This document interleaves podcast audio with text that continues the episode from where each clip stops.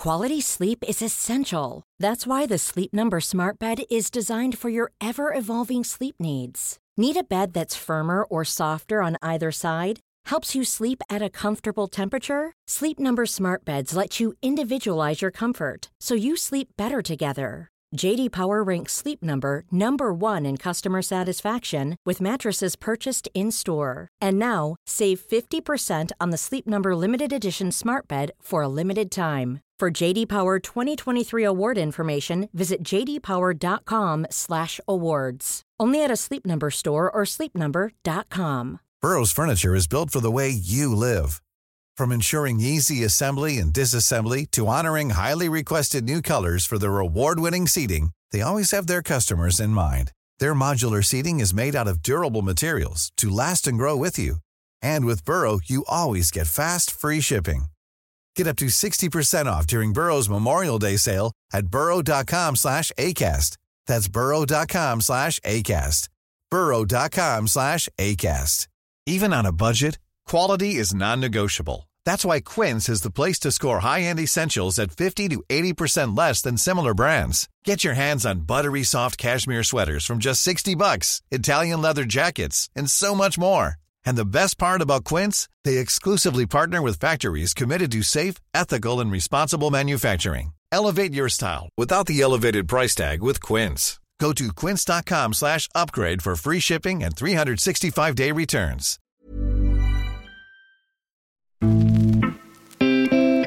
Sam Larsson var pigg och företagsam i debuten.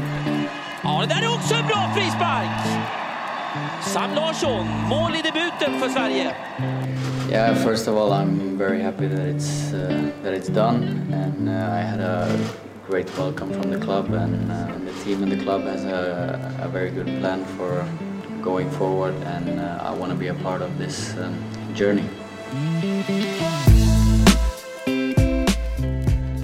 Efter att ha gått utan klubb i över ett halvår efter tiden i den kinesiska ligan blev det turkiska Antalyaspor för Sam Larsson. Där har yttern lyckats ha en fast plats i tränaren Nuri Sarins lagbygge. Även om Larsson trivs i klubben och med livet utanför fotbollen är inte allt hundra.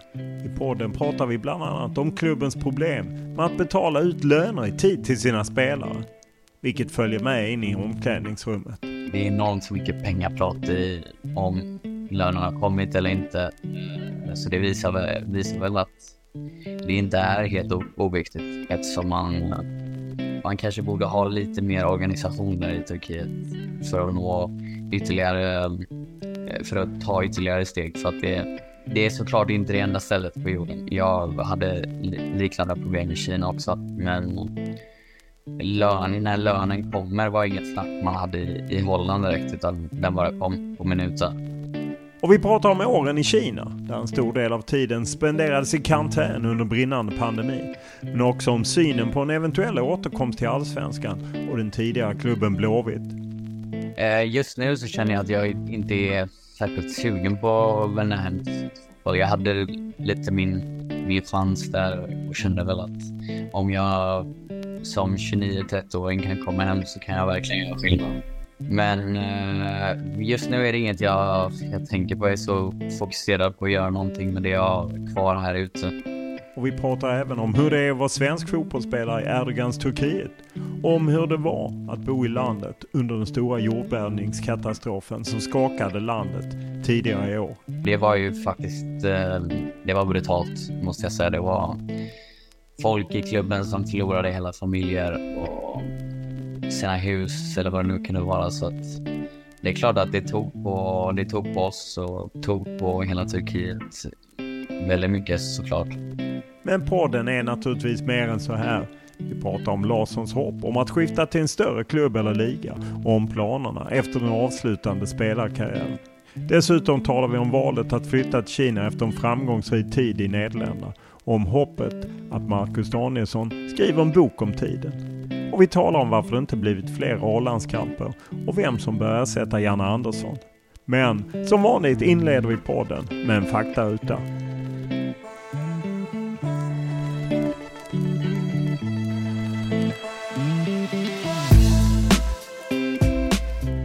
Ålder?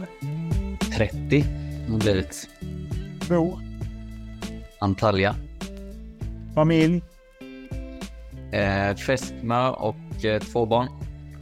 Utbildning? Eh, ingen att skryta med, men det var två år på Katrinelunds idrottsgymnasium. Det, hade det blivit tre år så vet jag inte om det hade varit något att skryta om heller, men eh, den är inte så stark, nej. Lön? När den dyker upp så är den bra, men eh, den ska dyka upp också. Vad kör du? Eh, Volkswagen. Vad läser du? Jag läser... Eh, heter Tills alla vi dör, va? Tills alla dör. Vad tittar du på? Titta på serier, eh, Champions League. Ja, inte, inget särskilt. Vad lyssnar du på? Eh, jag lyssnar på podcast, eh, hiphop. Ja, typ Filip och Fredrik eller Alex och Sigge, sådana manspodcasts. Vad spelar du på? Eh, ingenting. Vem är för dig eh, en favoritspelare genom tiderna och varför uppskattar du den spelaren? Jag... Eh, det är tråkigt att säga Messi, men eh, en spelare jag alltid älskat att titta på är Thiago, som är nu i Liverpool. Eh, och även William, men nu eh, tittar jag inte så mycket på honom längre, men han- honom har jag alltid uppskattat. Vilket är ditt favoritlag och varför? Eh, tråkigt, men jag har typ inget favoritlag. Jag kollar på fotboll som jag gillar och bra fotboll. Vilken är den bästa tröja du bytt till dig? Eh, jag har faktiskt inte bytt till med någon tröja. Jag skulle fråga för en kompis när vi mötte Galatasaray om Mertens tröja, men han har inget bort den. Eh, så jag har nog ingen...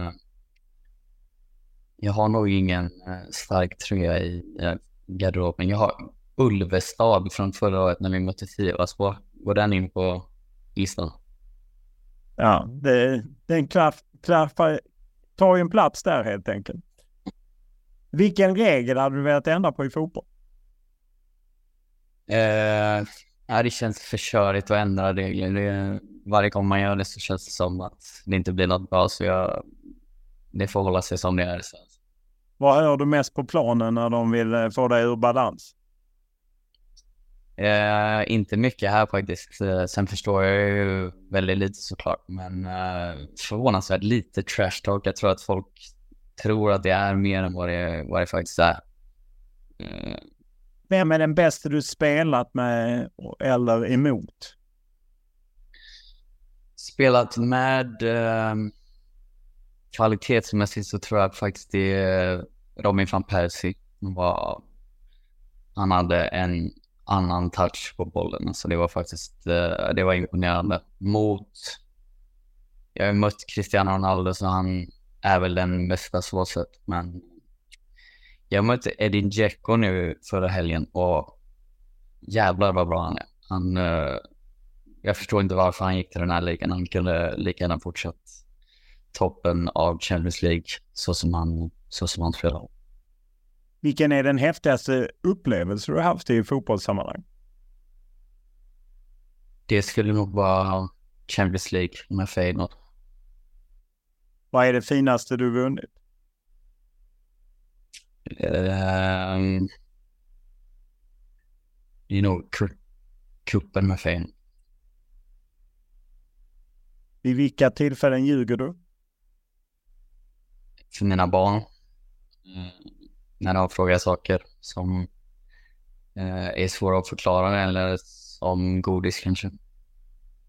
Om vi tar bort idrott och hälsa, vad var du bäst på i skolan? Jag var ganska average på allt i skolan. Jag var inte eh, särskilt dålig på något, men historia tyckte jag var rätt kul. eh, om jag ska välja något. Vilket köp ångrar du? Som alla utlandsproffs har du köpt på dig några grejer. Ja, sjukt, sjukt mycket ångrar jag faktiskt, men Jag ångrar nog mest, jag har berättat om det här i någon annan podcast tror jag, men jag ångrar nog mest när jag och min bror köpte en travhäst till min far i födelsedagspresent som senare blev sjuk och sedan fick vi en ny som senare dog. Så den hästen ångrar jag enormt mycket. Kanske din pappa ångrar födelsedagspresenten också? Ja, det var en av de sämre. Död häst. Vilken är din favoritsvordom? Eh, det är nog inget jag vill säga här. Det kan hända att man eh, svär på svenska på, när man spelar utomlands. Eh, men eh, nej, jag har inget särskilt, ingen go-to kanske. När var du riktigt lycklig senast? Jag är lycklig nu. Jag har riktigt eh, bra tillvaro faktiskt och nöjd med typ allt i mitt liv. När grät du senast? Två veckor sedan tror jag.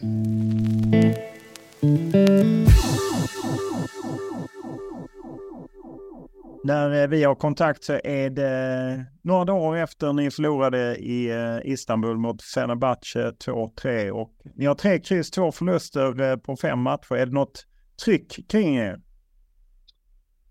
Eh, mest från oss själva tror jag. Vi har ju, Antalya är så sjukt relaxed stad.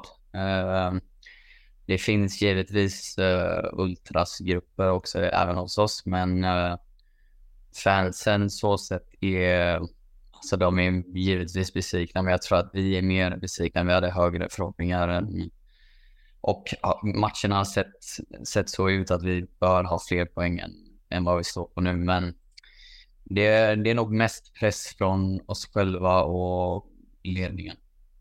Eh, ni kom ju 13 i ligan förra säsongen och ut i åttondel i cupen. Hur liksom, var lägger man ribban förutom, jag menar det är klart att ni vill prestera bättre och, och så, men vad, vad är en rimlig ribba för Antalyaspor? Den har absolut varit högre och särskilt uh, när jag kom hit så var ju knappast målet att, uh, att klara sig kvar. Uh, inte heller detta året. Vi har ett ofta i Turkiet så byter man ju ut uh, stora delar av startelvan, stora delar av laget. Så jag tror, jag tror faktiskt vi har bytt halva laget till denna säsongen igen. Uh, därmed känns ju jag så, som en av dem som behöver ta ansvar och uh, vara en mer ledande spelare, vilket jag tycker är roligt och ha, och ha lite större roll i laget. Uh, så personligen så ser jag att vi måste komma mitten och uppåt. Men eh, med den här starten såklart eh, så krävs det mycket från oss just nu. Hur reagerar ledningen när man då inte vinner hemma? Jag menar, de förväntar sig inte att ni ska vinna borta mot Fenerbahce, utan det är väl mer hemma. Blir man liksom, blir det att man åker på hotell tidigare eller sker någonting sånt för att signalera allvar? Mm, överlag så är det ganska mycket hotell här. Vi, uh, vi har en träningsanläggning som vi bor på dagen innan match. Dagen innan hemmamatch. Och i princip varje bortamatch är flyg. Så då åker vi dagen innan. Eh, men vi tränar, vi tränar på ungefär som vanligt. Vi tränar, måste jag säga, rätt hårt jämfört med vad jag har gjort tidigare. Eh, och det är klart att det kan ökas lite träningsmängdsmässigt om vi, eh, om vi inte får poängen med oss. Sen är det, det är verkligen, alltså vinner man en match här så är det som att ja, men nu är allt bra igen. Och torskar man en så då, då är allt ett helvete. Så det är, eh, ja, man måste sitta kvar i, man får inte åka med i den känslomässiga hissen, heter det. Eh, tränare är ju gamle storspelaren Nouri Sarin som avrundade sin karriär och ja, skulle väl bli spelare och tränare men valde att bli tränare. Och han har ju fått hänga i ändå och ibland känns det ju som att man inte bara byter ut eh, halva truppen, man byter även ut eh, eh, tränare. Hur är han att ha som ledare? Han är ju i Turkiet eh, framförallt ett extremt stort namn. Eh, och han, han kommer väl också med en viss respekt och därför har han fått eh, fått sitta kvar även under ganska tuffa perioder i, i vårt lag. Eh, taktiskt så är han, han är väldigt eh, duktig taktisk, taktiskt och eh, har väl såklart mycket att lära för att, vara, för att bli en topptränare, men potentialen finns absolut där med tanke på att han, han ligger så långt fram fotbollsmässigt och även har det namnet som vi alla vet att det betyder någonting i den här världen. Så eh, får vi resultaten med oss och allt börjar klicka så tror jag att han eh, ganska snabbt kommer röra sig härifrån. Eh, om man ser till truppen så är det inte jättemånga namn jag tar. Man känner ju naturligtvis igen Erdal Rakip och, och kollar man så det känns som att de har sålt av lite och så lån, tagit in en del spelare från lån både Italien och andra länder. Hur, vad är det för ett manskap ni har? Eh, jag, jag är lite på samma sida som dig. Vi spelade en match häromdagen, som du sa, mot Fenerbahce och då var det en, en, en av de gubbarna som hoppade in kom ju... Han kom dagen innan match Eh, och använder så man kan ju sätta, man kan ju spela matcher här med spelare man inte kan namnet på. Eh, jag har svårt att se många andra lag göra så, men eh, de, de värvar mycket på uppstuds, så är det ju. Jag var väl liten som värvning på något sätt, även om jag kom, uh, jag kom mycket tidigare och hade en halv försäsong åtminstone. Men uh, det är så i Turkiet, det går inte riktigt att... Man kan spela en dålig match och så säger de oj, vi behöver en anfallare. Och så värvar de en. Och så är han här dagen efter och spelar dagen efter det. Så att eh, det är väldigt annorlunda jämfört med många andra ställen. Ja, och de som reagerar transferfönster så hade i Turkiet ett senare transferfönster därför de kunde plocka in någon. Eh, känslan är att de använder dig mest till vänster, vänsterforward. Vad, vad spelar du för? Är det 4-3-3 eller är det? Vi spelar 4-3-3, eh, en variant på det, kanske 4-2-3 också. Men uh, jag spelar vänster, jag spelar lite uh, som offensiv mittfältare också. Det är väl där jag trivs bäst om jag ska vara ärlig. Uh, Sen har vi haft skador på vänsterytten just nu så att därför har jag spelat lite på vänster nu inledningsvis. Men om jag får välja så spelar jag nog helst centralt. Särskilt i denna ligan för att det blir ganska... Man kan bli ganska is isolerad som, som ytter. Eh, det är ju ett mål på fem matcher denna säsongen, två mål och fyra assist på 30 förra säsongen. Om Transfermarkt har rätt siffror eh, hur eh, utvärderar du dig själv efter det? Nej, tyvärr så är det ju rätt siffror. Fy fan, det var inte... Det var inga starka siffror. Jag vet ju om dem. Jag... Eh... Nej, men jag har börjat lite på ny, eh, ny kula i år, även om eh, statistiken väl är densamma. Så jag uh, känner mig mycket bättre i år. Jag hade ett, det, var, det var tufft efter Kina måste jag säga. Och, och komma tillbaka och jag började väl egentligen först efter jordbävningen här som var i februari att, um, att spela kontinuerligt vecka in och vecka ut och, och att det kändes bra i kroppen och nu har jag lite fortsatt på det tycker jag så att det känns uh, som jag håller på att hitta mig själv.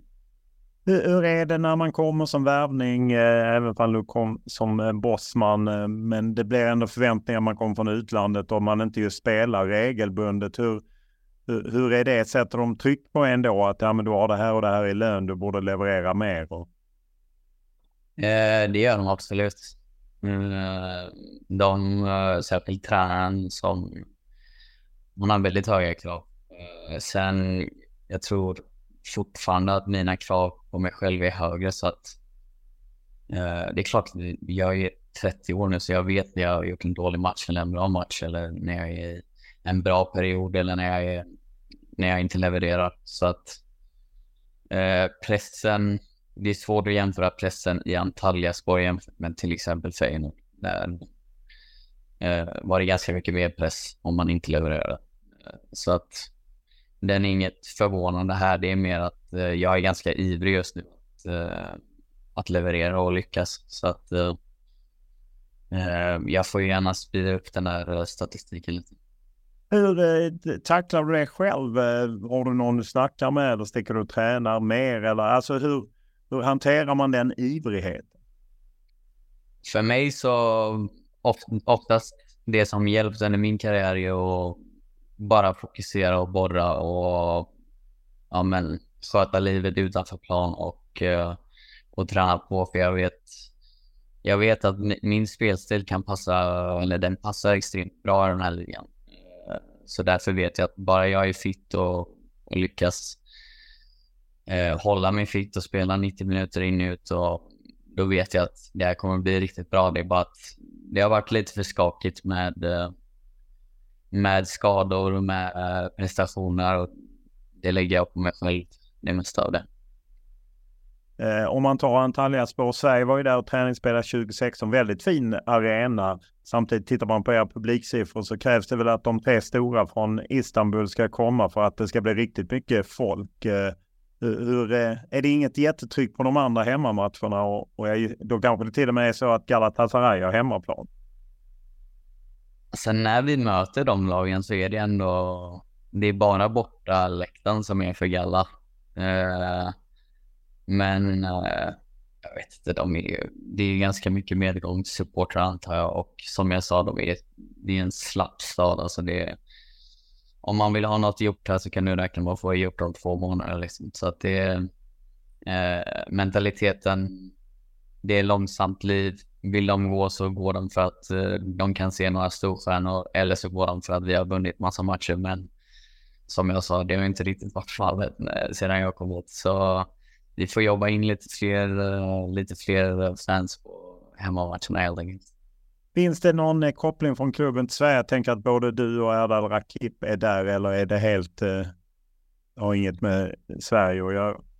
Nej, de måste väl ha sett på min mentalitet första halvåret att eh, okej, okay, svenskar är något att, något att gå för. Så de tog Erdal också. Men de var eh, seriöst så frågar de ganska ofta av svenska spelare. Jag kan inte, behöver inte droppa några namn nu, men eh, det är ofta svenska namn som dyker upp i scoutingen om man kan kalla det så. Så jag vet inte, de gillar väl kanske mentaliteten seriöst hos, hos svenska spelare för att det uh, burgarna, de är rätt mätta på många sätt. Hur, du antyder i fakta utan att lönen inte alltid kommer den 25 som i Sverige. Hur, hur är det? Hur funkar det? Jag vet inte riktigt. Det funkar ju det funkar inte uppenbarligen. Mm, särskilt inte förra året. Men eh, sen så på något sätt så skramlar de väl ihop och, och löser det. Så att jag, eh, vad jag också förstått är att de alltid betalar till slut. Så det har de eh, gjort hittills så det får man, alltså jag skojar ju lite om det. Men det är väl mest för att jag, det är väl lite intressant att höra om att lönen kommer inte, alltså 25 är inget datum som, som jag kommer ihåg att jag får lön den 25. Utan eh, den kommer eh, typ när den kommer och det har inte så mycket med prestation att göra om jag ska vara helt ärlig. Den, den kan dyka upp när de, eh, när de känner för det lite. Hur påverkar det dig som spelare att inte alltid få lön? Eh, jag kommer ju från en hyfsat stabil ekonomi så att jag överlever ju det vardagliga livet. Eh, oavsett om den kommer den 25 eller inte. Men eh, eh, det är klart, vi har ju spelare i laget som inte, inte har det så. Och den mentala påfrestningen att inte få sin lön och kanske inte kunna betala lägenhet eller hus eller vad det nu kan vara, den, eh, den sätter sig definitivt i prestationen också. Så att vi har väl försökt få dem att förstå att det är ganska viktigt att, eh, att lönen kommer eh, så att folk klarar sig utan den stressen. Hur mycket snackar man om det spelare emellan? Sjukt mycket. Det är, det är enormt mycket pengaprat i, om lönerna har kommit eller inte. Eh, så det visar väl, visar väl att det inte är helt oviktigt eftersom man, man kanske man kanske borde ha lite mer organisationer i Turkiet för att nå ytterligare, eh, för att ta ytterligare steg. För att det, det är såklart inte det enda stället på jorden. Jag hade liknande problem i Kina också, men lön, när lönen kommer var inget snack man hade i, i Holland direkt, utan den bara kom på minuten. Och det är samma i Sverige eh, och samma i Premier League och för, tror jag väl i hela liga också.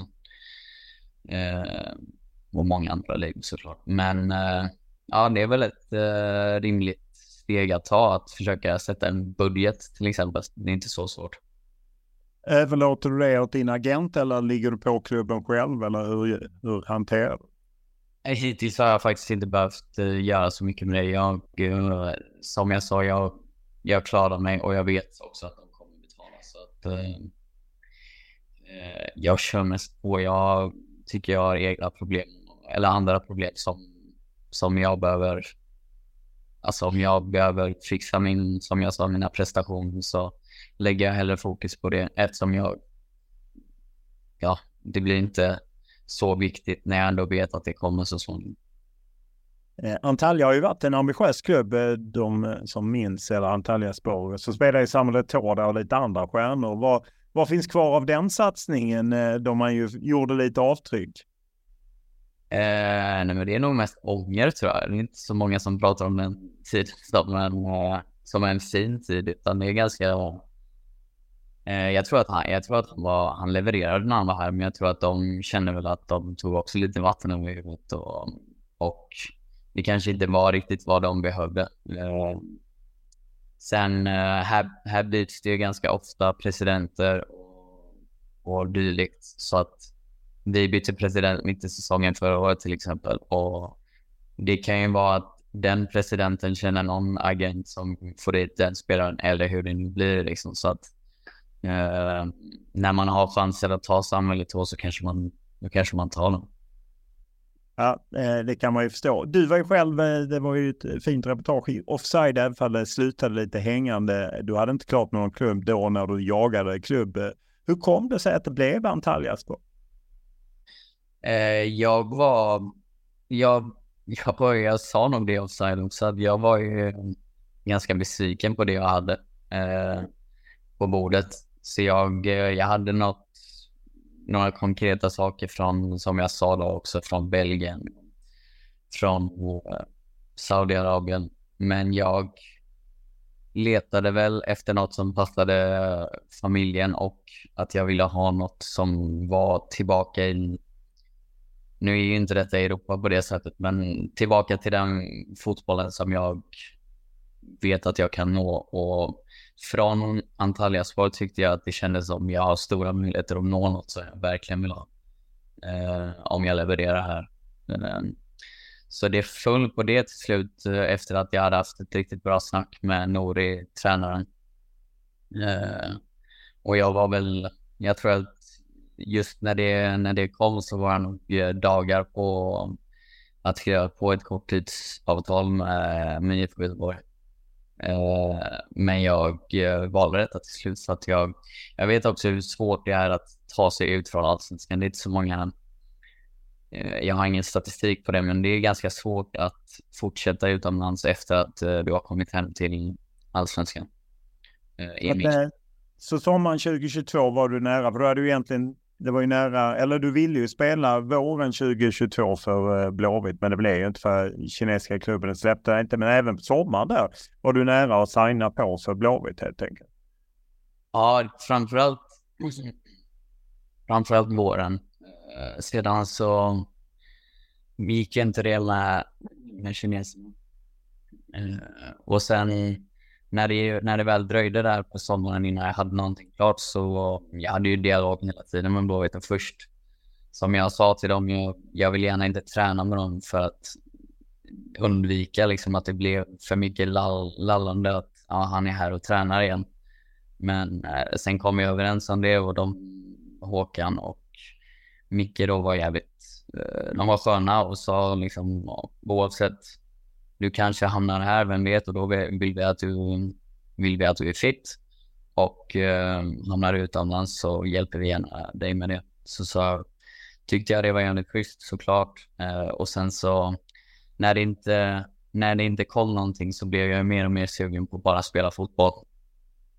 Eh, och sen så när jag väl fick detta från Antalya Sport så kände jag att detta är en bättre möjlighet för mig. Så att, eh, då blev det rätt.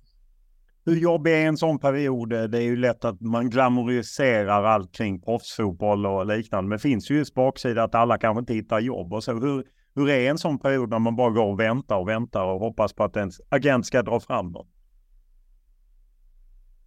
Den, jag ska inte ljuga, den, den är rätt eh, påfrestande. Jag, eh, jag mådde bra så sätt eh, och jag hade min familj med mig och vi, jag kunde träna på hyfsat, hyfsat bra men det är någonting när man inte tillhör, när man inte har ett jobb om man säger så. Uh, man faktiskt gärna vill ha ett jobb. Och ja, då man kan bli rätt frustrerad och man blir... Uh, jag blir i alla fall väldigt uh, ivrig och bara hoppa på någonting. Och på något sätt känner jag fortfarande att detta var verkligen inte att bara hoppa på någonting, även om jag inte hade super alternativ. Så, så jag är nöjd med tillvaron här. Vilket tvivel smyger sig in när man inte får göra sitt jobb och att man på något sätt är ju fotboll också väldigt mycket vad som sitter i huvudet? Uh, jag vet inte riktigt. Jag, jag tränade ju fotboll uh, under, under hela tiden och jag kände ju ändå att jag är rätt bra på fotboll fortfarande. Eh, men det är klart att det går inte att ljuga om att sina perioder eh, var ju allt annat än bra fotbollsmässigt. Nu blev det ju som det blev och det hade nog aldrig blivit så om det inte vore för covid och, och allting med så långa pauser som jag behövde ta från eh, kontinuerlig fotboll. Eh, men det är klart att det tog tid sen när jag kom tillbaka till, till ligafotboll och matcher varje vecka. Det tog tid innan jag eh, löste det. Och, både fysiskt och, och mentalt tror jag också. Eh, även om jag kände att jag var redo. Men det, det är väl nog seriöst först ja, mars, april som jag kände att ja, nu, är jag, nu är jag nog tillbaka och löser att spela varje vecka utan att, utan att gå sönder helt, eh, helt i kroppen. Så det tog på mig, definitivt.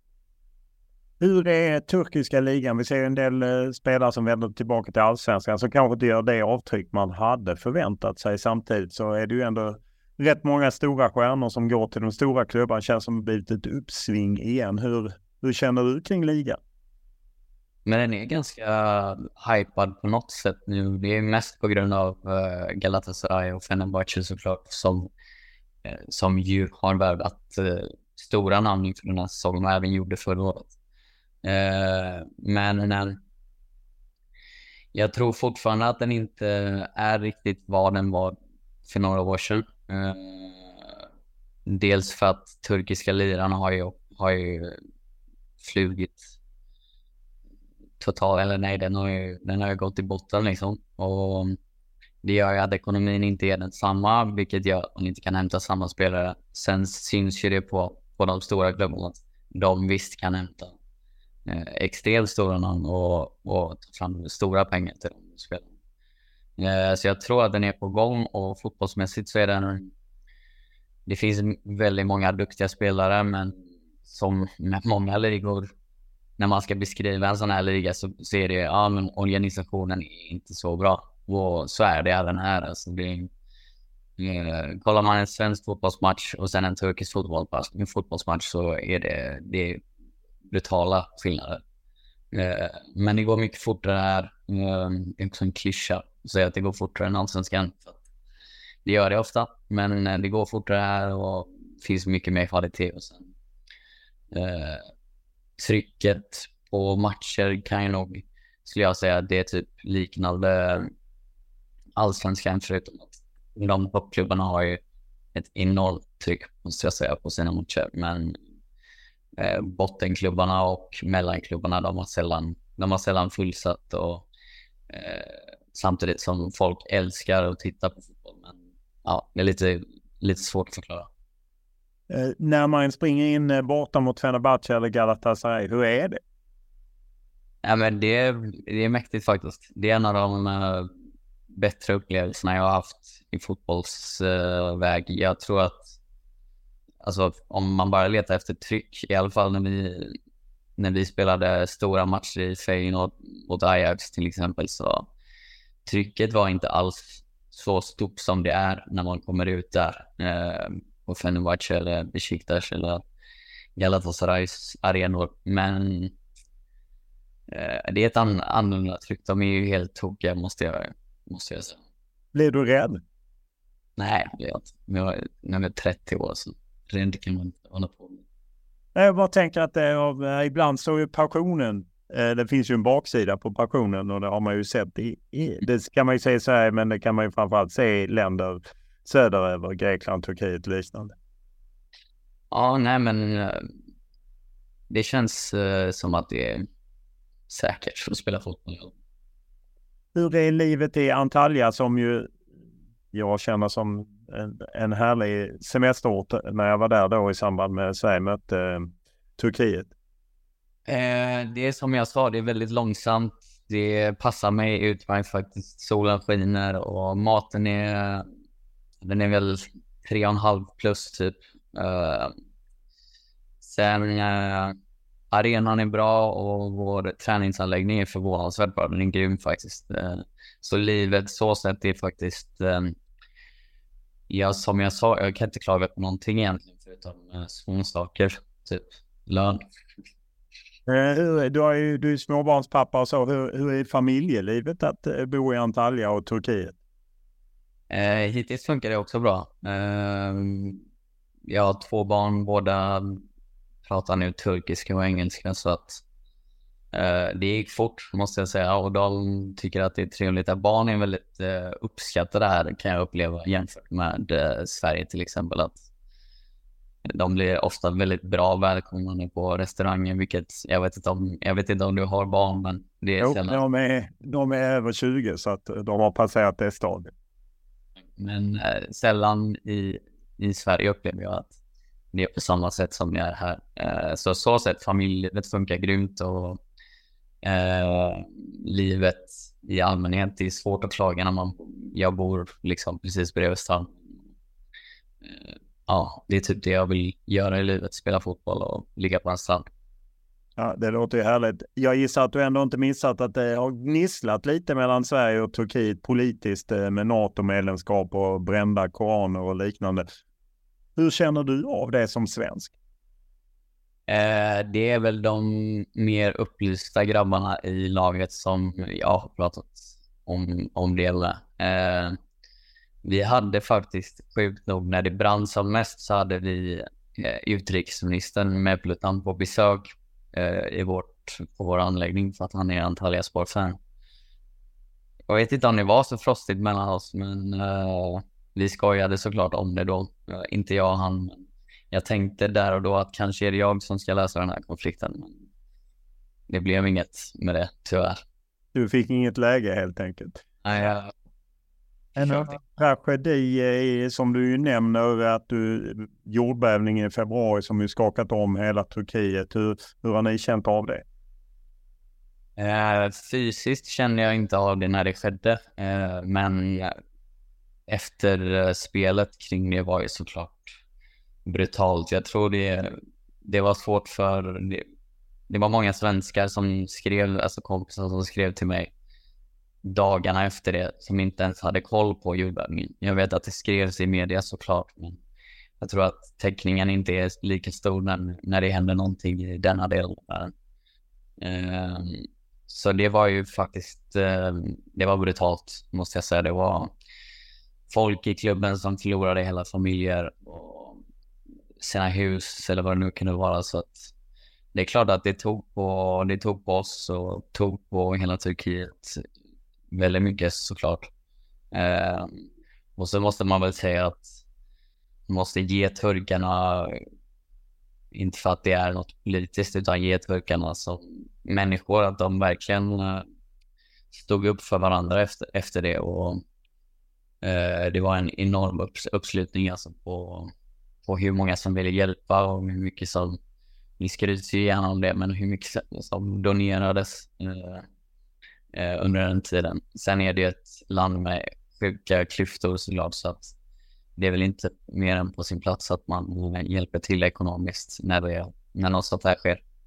Hur gjorde ni i klubben? Gjorde ni något för, ibland kliver ju idrotten och fotbollen in Eh, jag tror varje klubb i, i Turkiet gjorde relativt mycket. Eh, vi är ju hyfsat nära också. Eh, I alla fall bilavstånd, så det var väldigt mycket från vår klubb som jag vet som eh, gick dit med våra pengar och med eh, mycket vad det nu kunde vara saker för kläder, sängar, vad som helst. Och, och dessutom, jag tror det var säkert en 20-40 pers som bodde på vår träningsanläggning under tiden så eh, vet faktiskt inte vad som, alltså det är inte så att jordbävningen, den lämnade ju ett, eh, den lämnade ju misär där så jag vet inte riktigt hur eh, efterspelet har varit.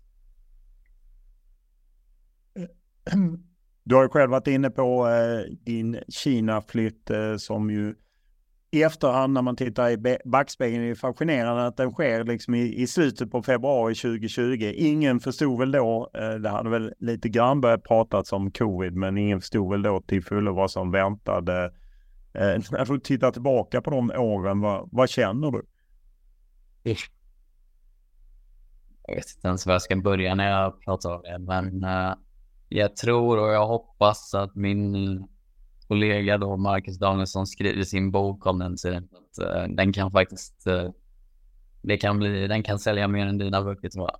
Det, det var en tid som uh, jag kommer bära med mig, framförallt kanske ekonomiskt, men väldigt mycket mentalt också. För att, så mycket som så mycket som jag missade av fotbollen de två åren ja, det har gjort typ att jag verkligen, jag tycker faktiskt om fotboll på riktigt igen. Och eh, var väldigt mycket borta från min familj, så jag tycker faktiskt om min familj fortfarande. Mm.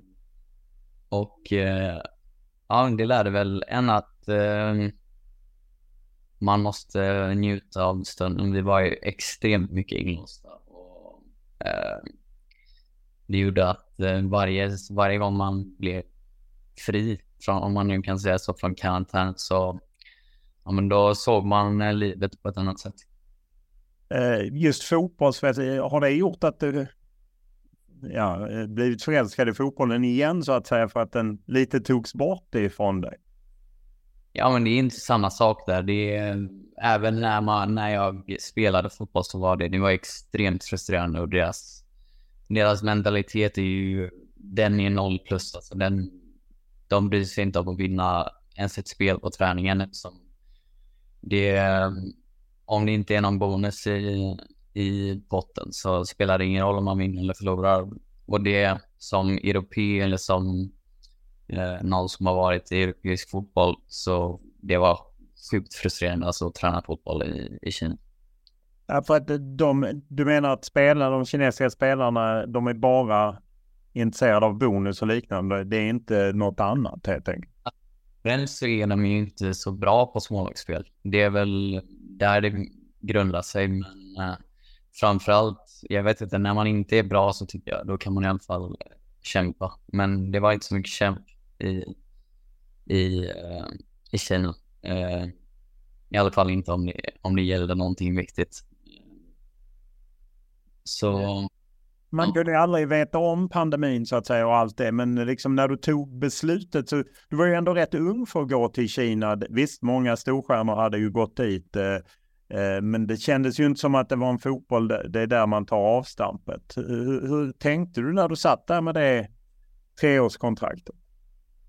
Eh, jag tänkte nog först och främst att det blir inte tre år, även om man alltid ska fullfölja ett kontrakt. Så eh, tänkte jag nog att det kan vara, vara bra ett och ett halvt till två år och, och uppenbarligen fattar ju du också varför, varför det var bra. Eh, men eh, jag tänkte också att det var en relativt proffsig klubb med bra tränare och eh, en OK historia för att vara en kinesisk klubb. Eh, och jag tänkte att steget tillbaka är inte så brutalt om jag tittar på de spelarna som faktiskt har gjort det här. Eh, Carrasco som var på min position där innan han gick tillbaka till La Liga. Inte för att jag räknar med att jag ska gå till Atletico Madrid kanske, men jag räknade med att kunna komma tillbaka till, men om inte samma så hyfsad nivå där jag var. Och så blev det inte för att jag, eh, jag tappade alldeles för mycket när vi, när vi hade sådana pauser och det var inte, det var inte heller hållbart att spela fotboll så som de gjorde med att bara låsa in lagen i, i hotell och spela matcher och träna. Ehm, så det var...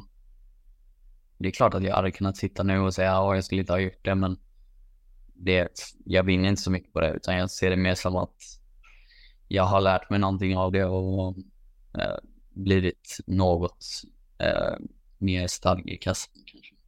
Ja, eh, det figurerade ju olika summor, allt från 20 miljoner om året netto till 30 miljoner om året netto. Eh, och du skrev på tre år. Hur många av åren fick du ut lön för? Eh, oh, ska man prata om sånt med dig? Ja, det väljer du ju själv.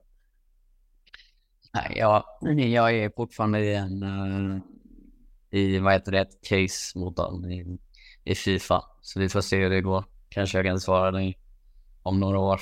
Ja, men du driver, även är det ju ingen hemlighet att Max Danielsson driver någon process, har inte alls fått ut pengar, det har ju framkommit. Då driver du det också. Fick du ut några pengar överhuvudtaget?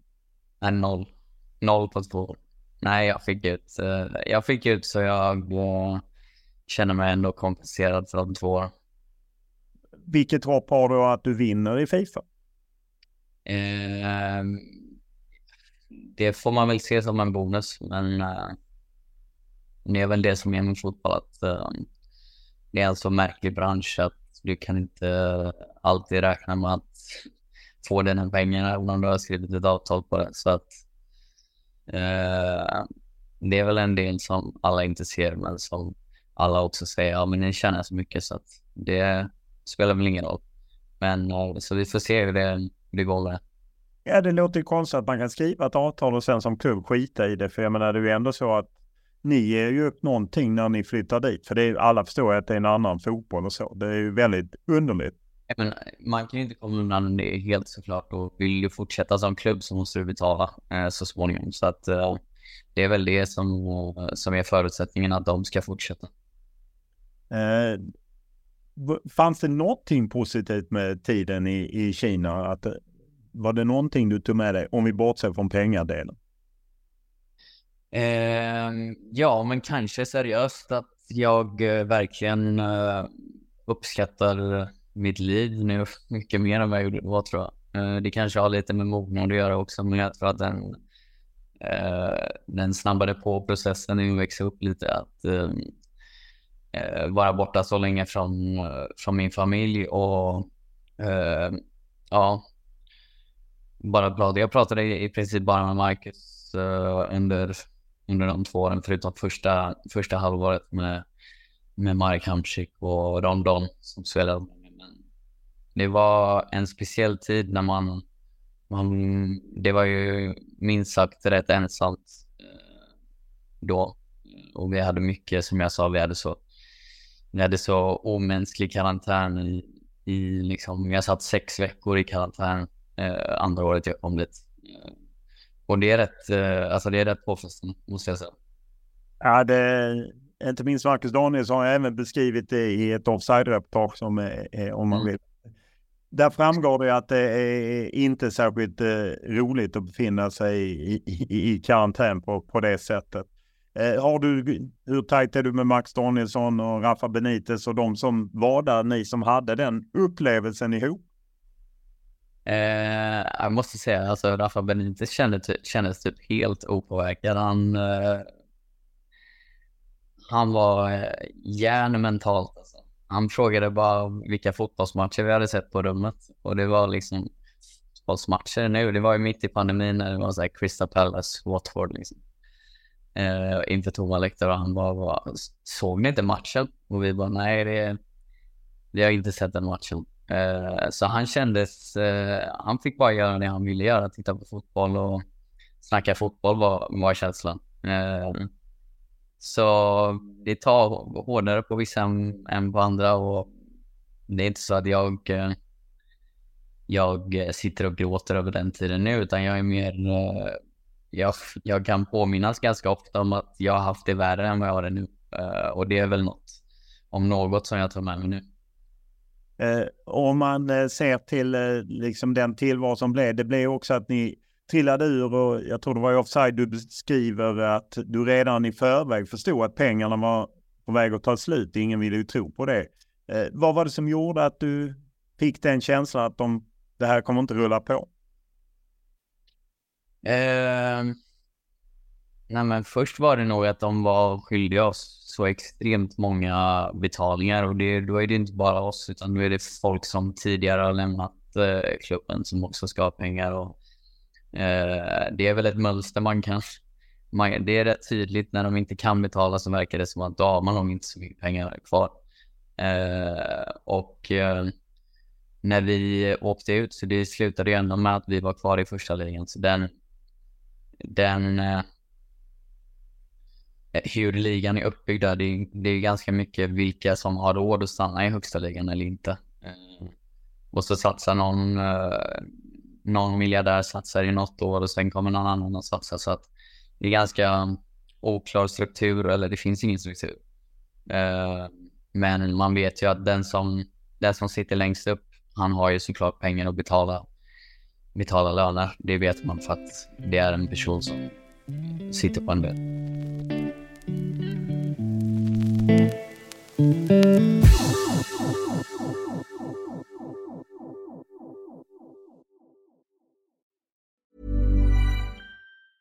Mom deserves the best, and there's no better place to shop for Mother's Day than Whole Foods Market. They're your destination for unbeatable savings, from premium gifts to show-stopping flowers and irresistible desserts. Start by saving 33% with Prime on all body care and candles. Then get a 15-stem bunch of tulips for just $9.99 each with Prime. Round out Mom's menu with festive rosé, irresistible berry chantilly cake, and more special treats. Come celebrate Mother's Day at Whole Foods Market. Everyone knows therapy is great for solving problems, but getting therapy has its own problems too, like finding the right therapist, fitting into their schedule, and of course, the cost. Well, BetterHelp can solve those problems. It's totally online and built around your schedule. It's surprisingly affordable too. Connect with a credentialed therapist by phone, video, or online chat, all from the comfort of your home. Visit betterhelp.com to learn more and save 10% on your first month. That's BetterHelp, H E L P. Burrow is a furniture company known for timeless design and thoughtful construction and free shipping, and that extends to their outdoor collection.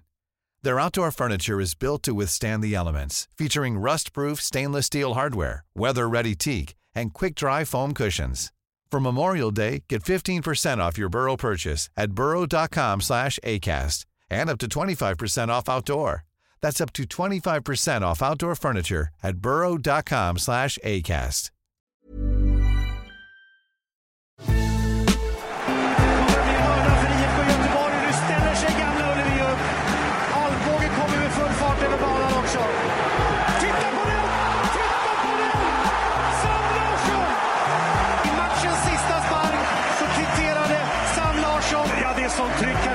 Själva förstår. IFK får utdelning.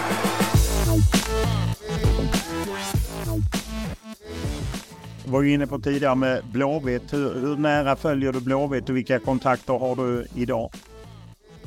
Eh, en av mina bättre kompisar, Sebastian Olsson, som, eh, som jag pratar med ofta. Eh, och sen har jag Fredrik Larsson som är en eh, fysioterapeut i Blåvitt och i landslaget.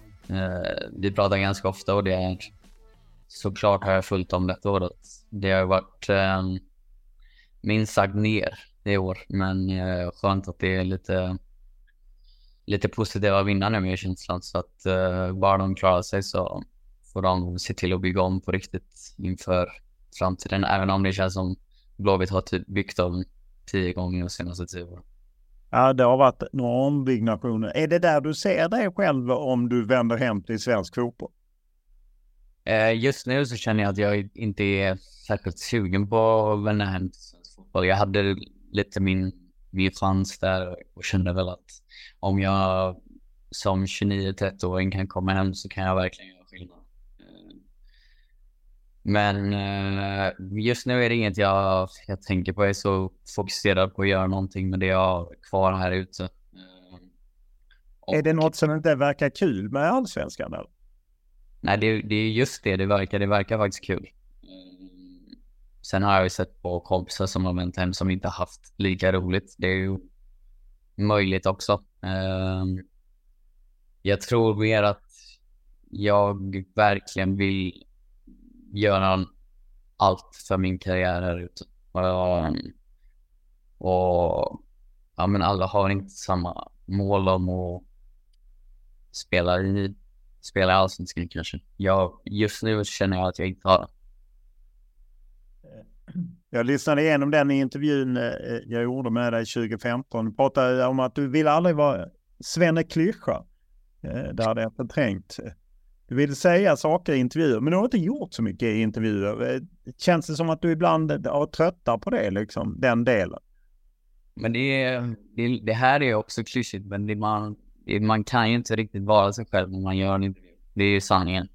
Uh, men uh, jag vet inte, jag tycker nog inte det är så kul med media i slutändan. Och jag, ja, nu sitter jag och pratar med dig och det är ju visserligen trevligt, men jag, jag vet inte, jag tycker inte att uh, det känns så äkta och uh, det finns för många tyckare som man kanske inte borde bry sig om, som jag ändå inte orkar höra deras åsikter.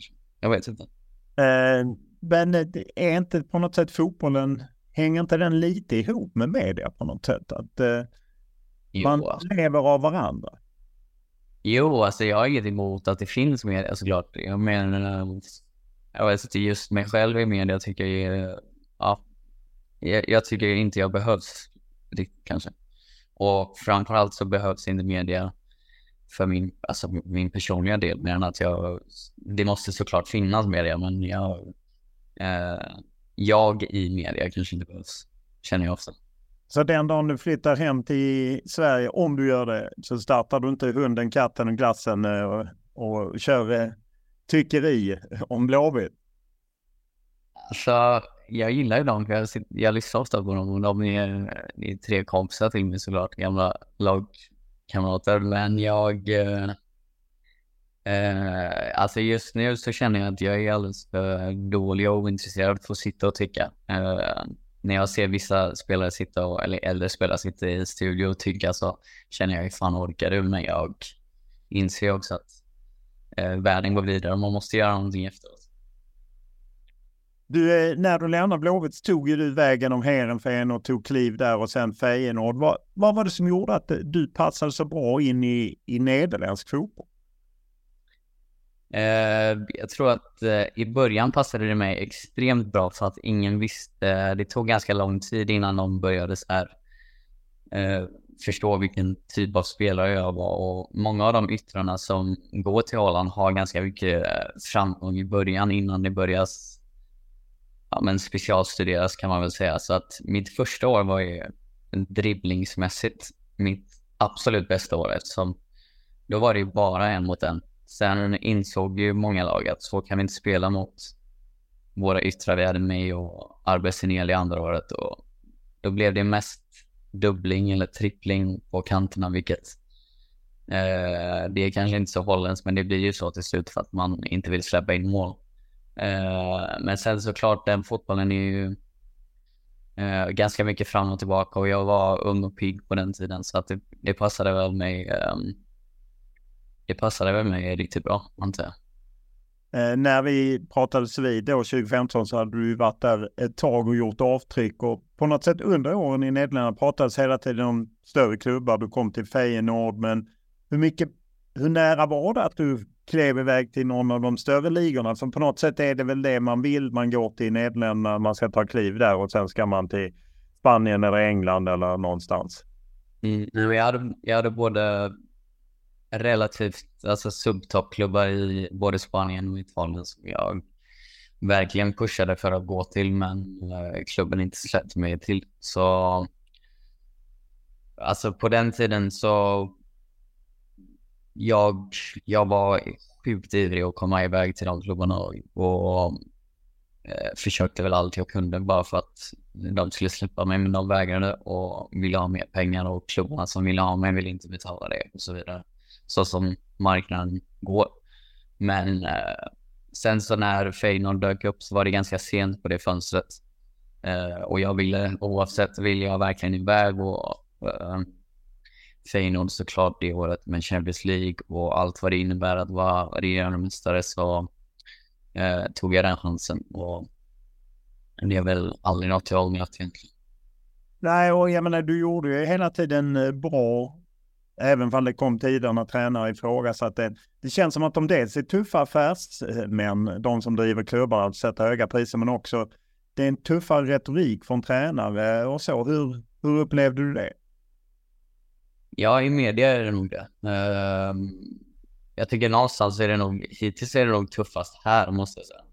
Uh, med hur folk pratar om och hur de behandlar honom. Men uh, det är klart att Holland, uh, holländska Nedel, Nederländerna kanske ni kallar det i Sverige nu. Men... Mer ska man säga Nederländerna har jag lärt mig. Bra fråga, tycker jag vad man ska säga. Men Nederländerna då. Holländare eh, tycker jag i alla fall eh, är, eh, de är väldigt direkta som personer.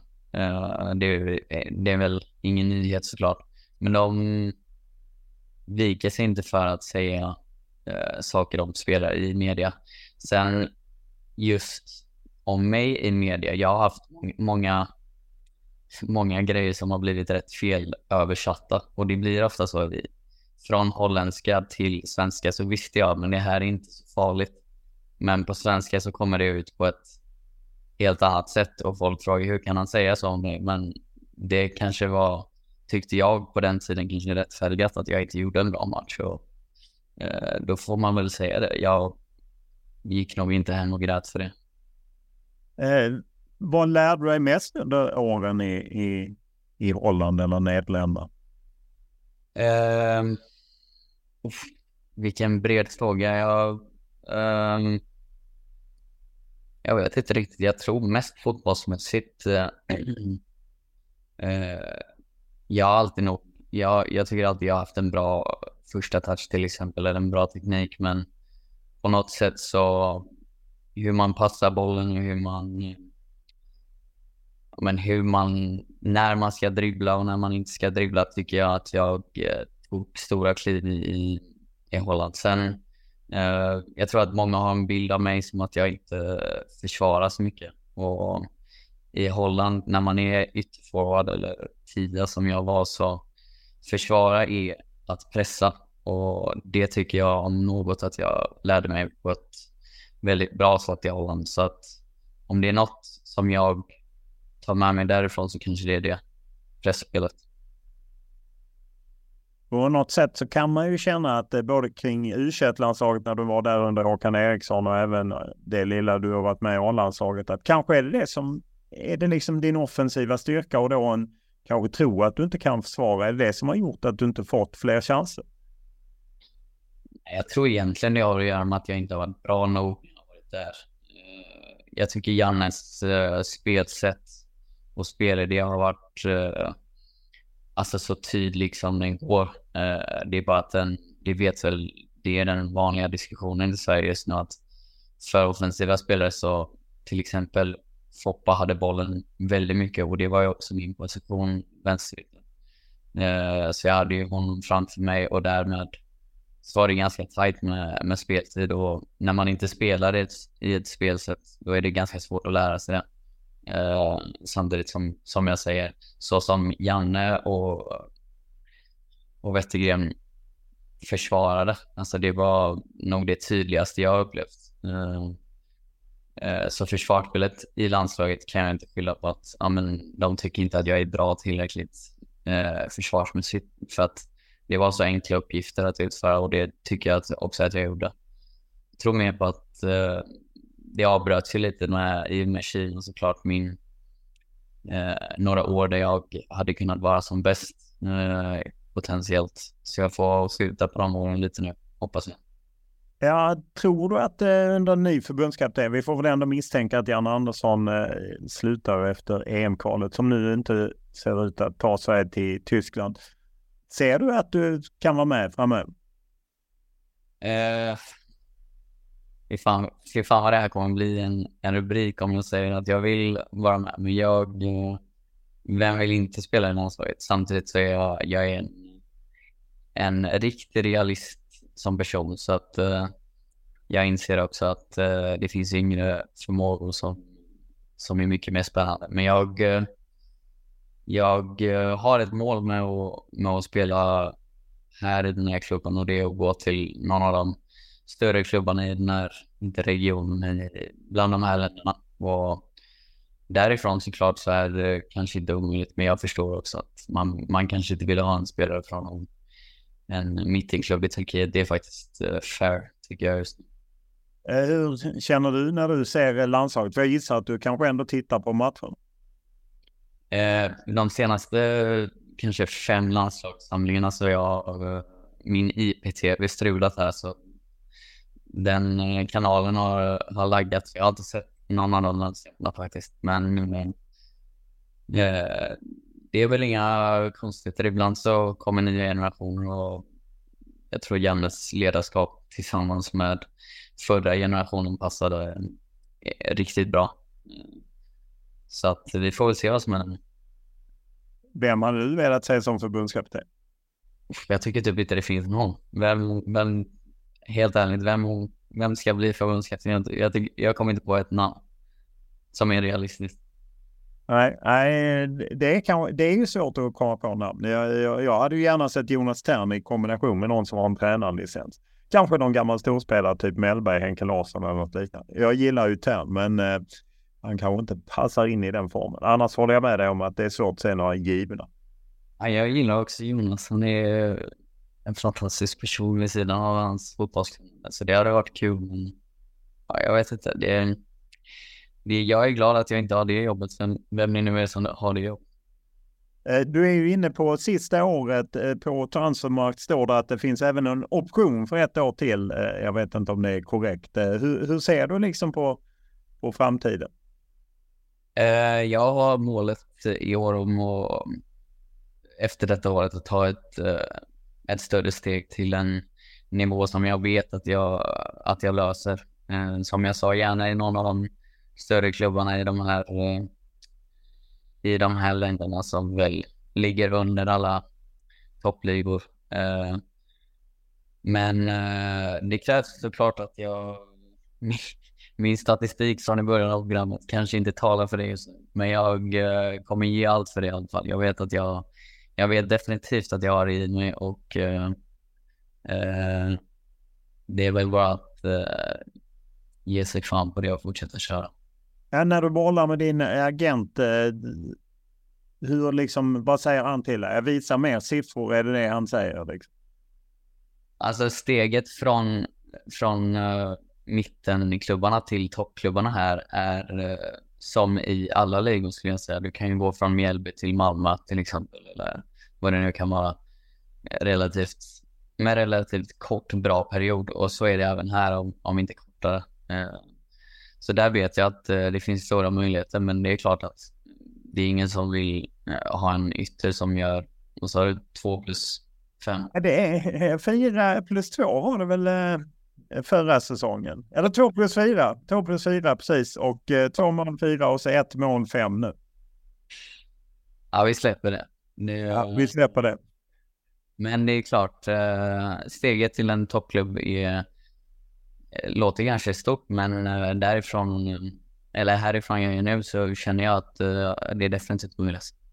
Eh, ser du längre fram vad du vill göra? Jag menar, du har en brorsa som är agent.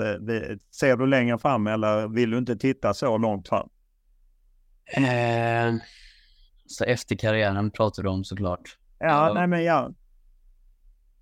Jag vet inte riktigt. Jag uh, har alltid haft en uh, en dröm kan man väl säga om att bli sportchef. Men äh, idag känns ju den rollen lite luddig och då, jag vet inte, man kanske ska mm, börja någon annanstans och jobba sig mot det. Jag vet inte riktigt. Vad är det som lockar med att bli sportchef?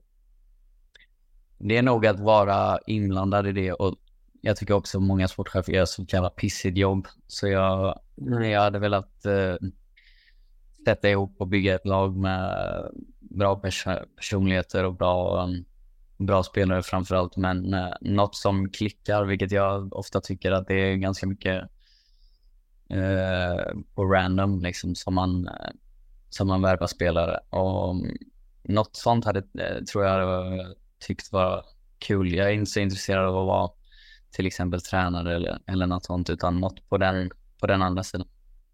Nu när du har en brorsa som agent, jobbar du med honom eller? Jag jobbar med honom, ja. Man måste, man måste göra det. Jo, jo, jag gör det. Ja, du jobbar med honom nu alltså? Ja, okej. Okay. Är han bra? Um, ja, alltså för det är inte för att uh, han är min bror. Han har faktiskt uh, startat sin agentkarriär uh, förvånansvärt bra tycker jag. Uh, han har visat framförallt prov på ett socialt kunnande som inte i vår familj trodde att han besatt. Men han är duktig. Han växer upp. Apropå, du har ju varit i Kina och du sa att du har haft Saudi-erbjudande. Saudi dyker ju upp som det nya heta. Eller är du färdig med den typen av flyttar? Uh, nej, alltså nej, det skulle jag inte säga. Att jag är färdig med uh, sådana saker. Jag tycker det är töntigt att säga att jag är klar med sånt. För att dyker sådana erbjudanden upp så vet du inte vad du säger. Så att jag skulle aldrig säga nej, det ska jag inte göra. Hur mycket pratar man bland spelare om det? Liksom? Man kan ju säga att många fotbollssupportrar, kanske vi i media, pratar om problematiken och så. Medan hur är snacket bland er spelare? Men det är väldigt, jag tycker det är ganska spännande för att jag ser båda delarna. I, i Turkiet om Qatar-VM till exempel så pratades det typ ingenting om mänskliga rättigheter eh, från burkar. De visste inte ens att det var dåliga mänskliga rättigheter där, var, var känslan. Eh, Medan det var ju allt jag fick höra från, från den andra delen av vad jag konsumerade. Liksom. Så att det var, det är spännande att höra hur, hur folk ser på saker. Men eh, det är klart att också på grund av det så är ju typ varje, varje spelares dröm som jag har spelat med är att säkra framtiden ekonomiskt. Det är, det är ganska få som inte har den drömmen som en av sina drömmar. Sen har ju jag som alla andra spelare drömmar om att spela Champions League eller VM eller vad det nu kan vara. Men jag tror få eh, inte tänker på det ekonomiska. Eh, och då kommer inte det andra in som en aspekt? Alltså, jag... Vad menar jag med mänskliga rättigheter eller liknande? Jag tror att vissa, vissa länder i Europa tror jag ser på det så som vi ser det. Men om, om vi ska vara helt ärliga så är det inte, det är inte jättemånga som pratar om Qatar eller Saudi på det sättet som vi gör. Det kanske är Storbritannien, oss och alltså Skandinavien och Tyskland och till viss del Holland, men inte på det sättet jag har märkt till exempel i Holland som ändå följer hyfsat med i holländsk media. Eh, så att jag tror att vi, vi pratar om det och det är verkligen viktigt. Men jag tror att det är ganska, det är ett väldigt stort steg att förändra hela deras kultur och vad, nu, uh, vad man nu pratar om så snabbt. Stort tack för att du ställde upp. Tack själv, det var trevligt. Podden är producerad av Jakob Nalerius och klippt av Daniel Eriksson. Och vi tar gärna del av vad ni tycker, tänker, önskar eller vill kritisera alternativt berömma. Enklast är att mejla mig olof.lund.tv4.se eller skriva till mig på Twitter eller Instagram. Då är det Olof Lund som gäller i ett ord. Stort tack för den här veckan.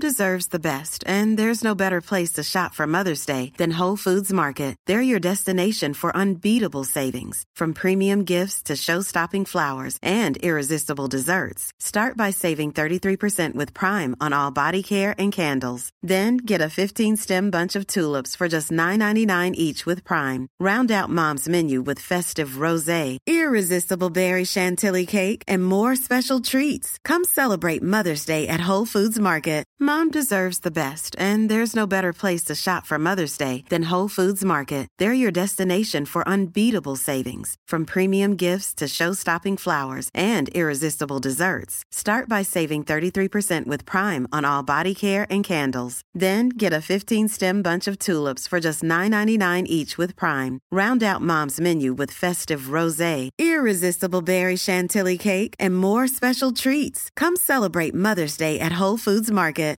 Save big money on everything for your next project at Menards. Spring is here, making it the perfect time for outdoor projects. Suncast storage sheds are an excellent solution for protecting outdoor lawn and gardening tools. They're easy to assemble, and the all weather construction provides water resistance and UV protection. Save big on Suncast storage sheds. View our selection of Suncast products today in store and on Menards.com.